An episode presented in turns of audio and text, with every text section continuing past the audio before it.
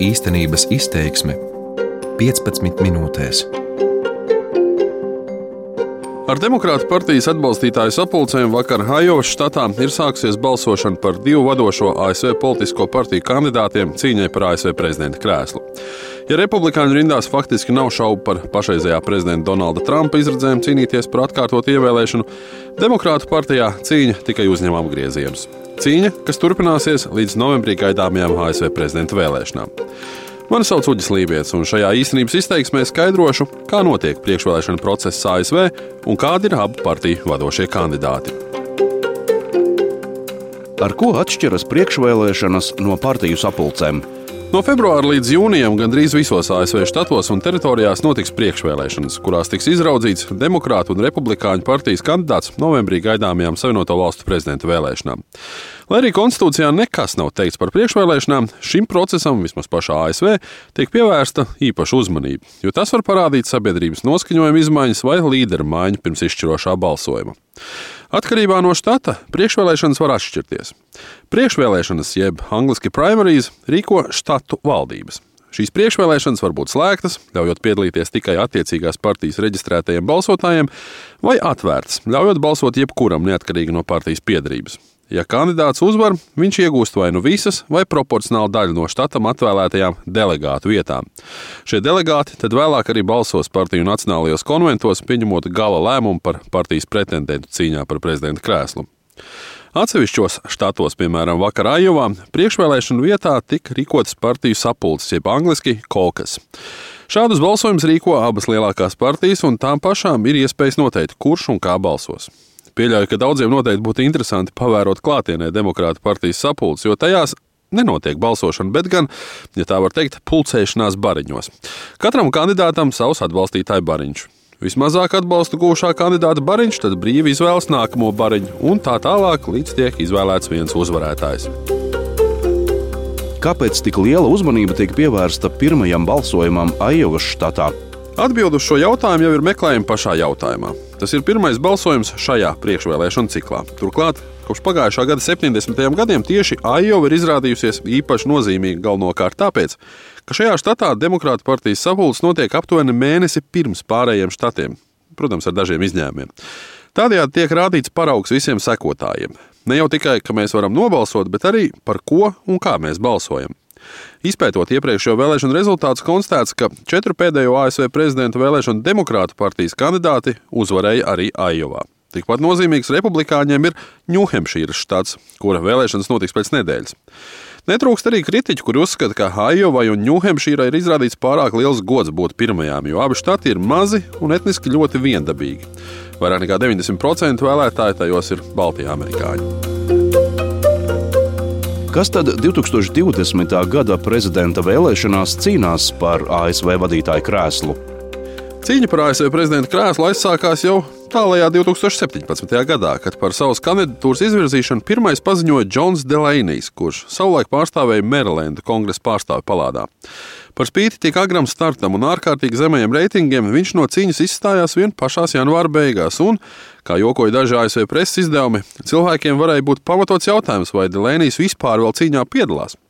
Un šāds jautājums tiešām ir pamatots, jo cīņa par Demokrātu partijas nomināciju gaidāmajās vēlēšanās izvērtusies daudz skaitliskākā kā jebkad iepriekš. Sākotnēji cīņā par Demokrātu partijas nomināciju bija iesaistījušies 28 pretendenti, starp kuriem netrūka ne sieviešu, ne afroamerikāņu, ne latīņamerikāņu izcelsmes kandidātu. Tagad, sākoties patiesajiem balsojumiem, demokrātu rindas ir samazinājušās uz pusi, taču joprojām par nomināciju cīņu turpina 11 no viņiem. Nacionālajā līmenī par favorītu tiek uzskatīts bijušais ASV prezidents Joe Bidenis. Šī nav pirmā reize, kad viņš savas karjeras laikā ir mēģinājis cīnīties par prezidenta krēslu, taču Visticamāk, šī tomēr būs pēdējā, ņemot vērā, ka drīz pēc prezidenta vēlēšanām Baidenam paliks 78 gadi. Tāpēc varētu teikt, visu vai neko.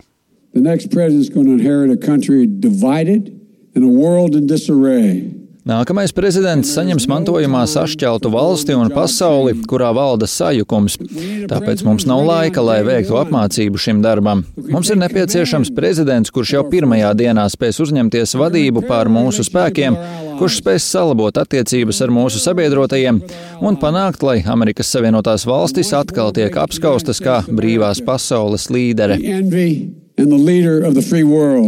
Atsevišķi komentētāji gan norāda, ka līdzinājās kandidātu debats ir pierādījušas. Baidens nav neievainojams, un viņa politiskā bagāža nebūtu negarantēs viņa uzvaru. Turklāt jāņem vērā, ka Baidena vārds pēdējā laikā daudz un dažādās versijās ir locīts arī saistībā ar ASV prezidenta Donalda Trumpa impeachment procedūru, jo tieši pret bijušo viceprezidentu un viņa dēlu Trumps bija lūdzis uzsākt izmeklēšanas Ukrainā.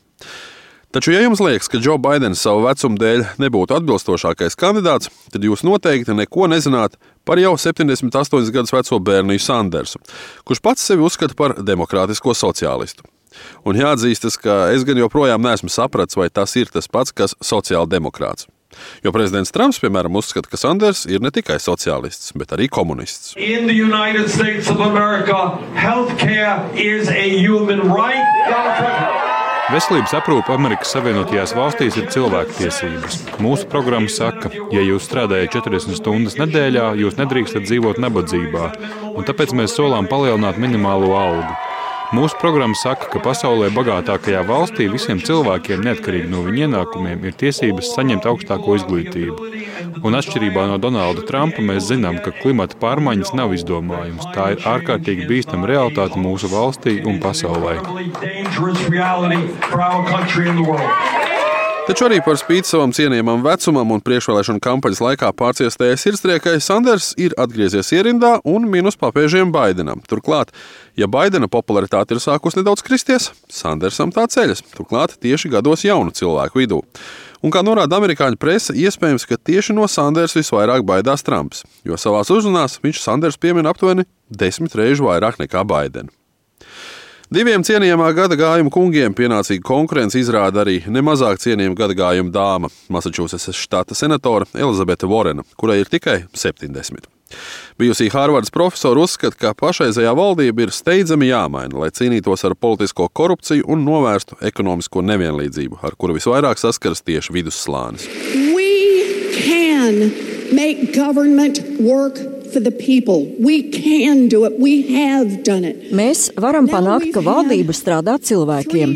Pēc trījiem Donalda Trumpa valdīšanas gadiem daudzi šīs valsts iedzīvotāji baidās. Viņi baidās par savām ģimenēm un saviem kaimiņiem, par bērniem, kuri pierobežā ir ieslēgti aizturēšanas centros. Viņi baidās par sievietēm, par citas ādas krāsas un citas seksuālās orientācijas cilvēkiem, kuru tiesības tiek apdraudētas augstākajā tiesā. Viņi baidās par mūsu nāciju un viņi baidās baidās par mūsu planētu, un briesmas ir reālas. Mūsu demokrātija karājas mata galā. Kad mēs redzam šādus izaicinājumus, ko mēs darām, mēs nobīsimies un kautrēsimies vai cīnīsimies pretī. Es noteikti cīnīšos. Starp 70 gadniekiem jāmin arī ietekmīgais miljardieris, mediju magnāts un bijušais Ņujorkas mērs Maikls Blūmbergs, kurš kopš savas kandidēšanas pasludināšanas oktobrī televīzijas un interneta reklāmās ir iztērējis vairāk nekā visi pārējie demokrātu kandidāti kopā, proti vairāk nekā 100 miljonus dolāru. Un tas viņam ir nodrošinājis stabilu 4. vietu popularitātes reitingos. Taču nav jau tā, ka vēlme vai izredzes cīnīties par prezidenta amatu nomināciju ir tikai tiem, kam pār 70. Netrūkst politisko analītiķu, kas norāda, ka Baidens, Sanders un Warren var nokavēt vai aizkavēt jaunās demokrāta paudzes uzkāpšanu uz politiskās skatuves. Taču viens no šādas jaunās paudzes pārstāvjiem starp vadošajiem kandidātiem joprojām ir manāms. Un tas ir 38 gadus vecais bijušais Saudbendas pilsētas mērs un Afganistānas kara veterāns Pīts Būteģečs, kurš savā kampaņā koncentrējies uz jaunajai paudzei aktuāliem tematiem, piemēram, klimata pārmaiņām un ekonomiskajām iespējām. Viņš arī pierādījis, ka par spīti saviem gadiem var būt veiksmīgākais finansējuma piesaistītājs starp visiem kandidātiem. Nākamajam prezidentam jau pirmajā dienā būs jāsaskaras ar izaicinājumiem, kas mums bija sveši pirms dažiem gadiem un noteikti desmitgadēm. Padomājiet par globālo drošību, globālajiem veselības drošības izaicinājumiem, kiberdrošību. Arī pašmājās mūsu ekonomiku ir ievērojami pārveidojušas milzu kompānijas. Paskatieties, ko ir paveikušas tehnoloģiju kompānijas. Atcerieties, katru reizi pēdējo 50 gadu laikā, kad mana partija ir uzvarējusi vēlēšanās, to paveica kandidāts, kurš nacionālajā politikā ir jaunpienācējs, paverot durvis uz nākotni orientētai paudzei. Lai ko arī neteiktu katrs no kandidātiem, viņiem visiem ir viens galvenais vadmotīvs, un tas vairs nevienam nav noslēpums - uzvarēt pašreizējo prezidentu Donaldu Trumpu un padzīt viņu no Baltānām. Un sabiedriskās domas aptaujas liecina, ka izredzes uzvarēt Trumpu faktiski ir visiem no viņiem. Tā piemēram, televīzijas sabiedrības NBC un The Wall Street Journal kopīgi veiktā aptauja vēl svētdien liecināja, ka ar 1 līdz 6 procentu punktu pārsvaru Trumpu var uzvarēt gan Baidens, gan Sanders, gan Warren, gan pat Būteģečs. Savukārt IBD TIPP aptauja uzvaru pār Trumpu pieļauj tikai Baidenam vai Bloombergam. Un kas notiek ar republikāņiem? Atšķirībā no bagātīgajām demokrātu rindām, republikāņu pusē kandidātu saraksts ir visai pašķidrs. Protams, ka izskaidrojums tam ir pašreizējais ASV prezidents Donalds Trumps, kurš par savu uzvaru nešaubās. Galu galā par apņemšanos palikt postenī astoņus gadus viņš paziņoja jau savā inaugurācijas runā. Turklāt, Trumpa vārdiem runājot, viņš ir pats gudrākais. Miegainā Džo Baidena atbalstītājs skaits ir niecīgs, Bernijs Sanders ir traks, Pītam Būteģeģam ir pārāk sarežģīts uzvārds, bet Maikls Blūmbergs ir pārāk īss. Bet, par spīti tam, Trumps atzīst, ka šī viņa konkurenta kompānija ir daudz spēcīgāka nekā 2016. gada demokrātu kandidātu uz prezidenta amatu Hillary Clintonu.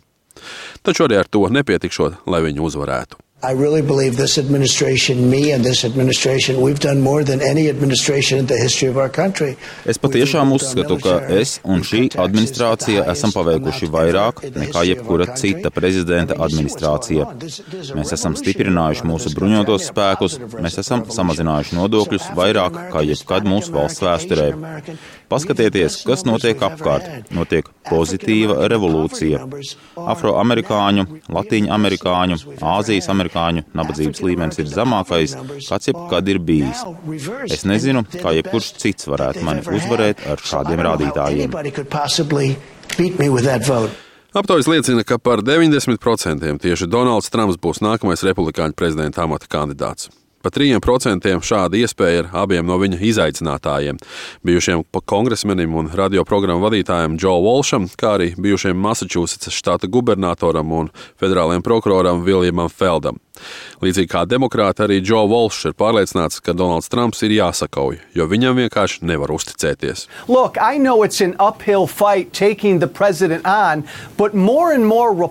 es ļoti labi apzinos, ka izaicināt prezidentu nozīmē iet pret kalnu, taču arvien vairāk republikāņu, kuri līdz šim ir ieguvuši informāciju no Fox News un no konservatīvajām radiostacijām, mēģina atrast ziņas arī ārpusē. Viņi ir noguruši no šī prezidenta un viņa ikdienas meliem. Bet to, vai prezidentam var uzticēties, mēs redzēsim jau šajās dienās, kad ASV Senātā notiks gala balsojums Trumpa impeachment tiesas procesā. Ir ļoti maz komentētāju un ekspertu, kuri pieļauj Trumpa gāšanu no amata. Un tieši tāpēc tiek prognozēts, ka šis iznākums varētu kļūt par pamatīgu trumpi Trumpa kampaņā. Jo, lai nu kurš, bet Trumps noteikti izmantos katru iespēju, lai uzsvērtu demokrātu nespēju ar viņu cīnīties varas augstākajos gaiteņos. Kādiem datumiem jāpievērš uzmanība turpmākajā priekšvēlēšanu procesā? Nākamais nozīmīgais datums priekšvēlēšana sezonā ir 3. marts, jeb tā dēvētā super otrdiena, kad partiju delegāti tiks izraudzīti 15 dažādos štatos vienlaicīgi. Vēl pirms šīm vēlēšanām februārī ir paredzēts trīs demokrātu kandidātu debatas, kurām kvalificēties kļūst ar katru reizi ar vien grūtāk. Tiek ņemt vērā gan aptauju rezultāti, gan iegūto delegātu balsis. Piemēram, janvāra vidū debatēm kvalificējās vairs tikai seši no demokrātu kandidātiem. Protams, demokrātu rindās vislielākā uzmanība tiks pievērsta jūlijā vidum, kad no 13. līdz 16. jūlijam Milvokī pilsētā notiks Demokrātu Nacionālais konvents. Republikāņu konvents notiks mēnesi vēlāk, augusta otrajā pusē Šarlotē, Ziemeļkarolīnā, taču šī tikšanās vairāk būs tikai formalitāte. Un, protams, 3. novembra ASV prezidenta vēlēšanas, pirms kurām būs interesanti pavērot arī prezidenta un viceprezidenta amata kandidātu debatas. Bet tas jau viss gada otrajā pusē. Mani sauc Uģis Lībijams, un šajā raidījumā īstenības izteiksme es stāstīju par priekšvēlēšanu cīņu Amerikas Savienotajās valstīs. Īstenības izteiksme 15 minūtēs.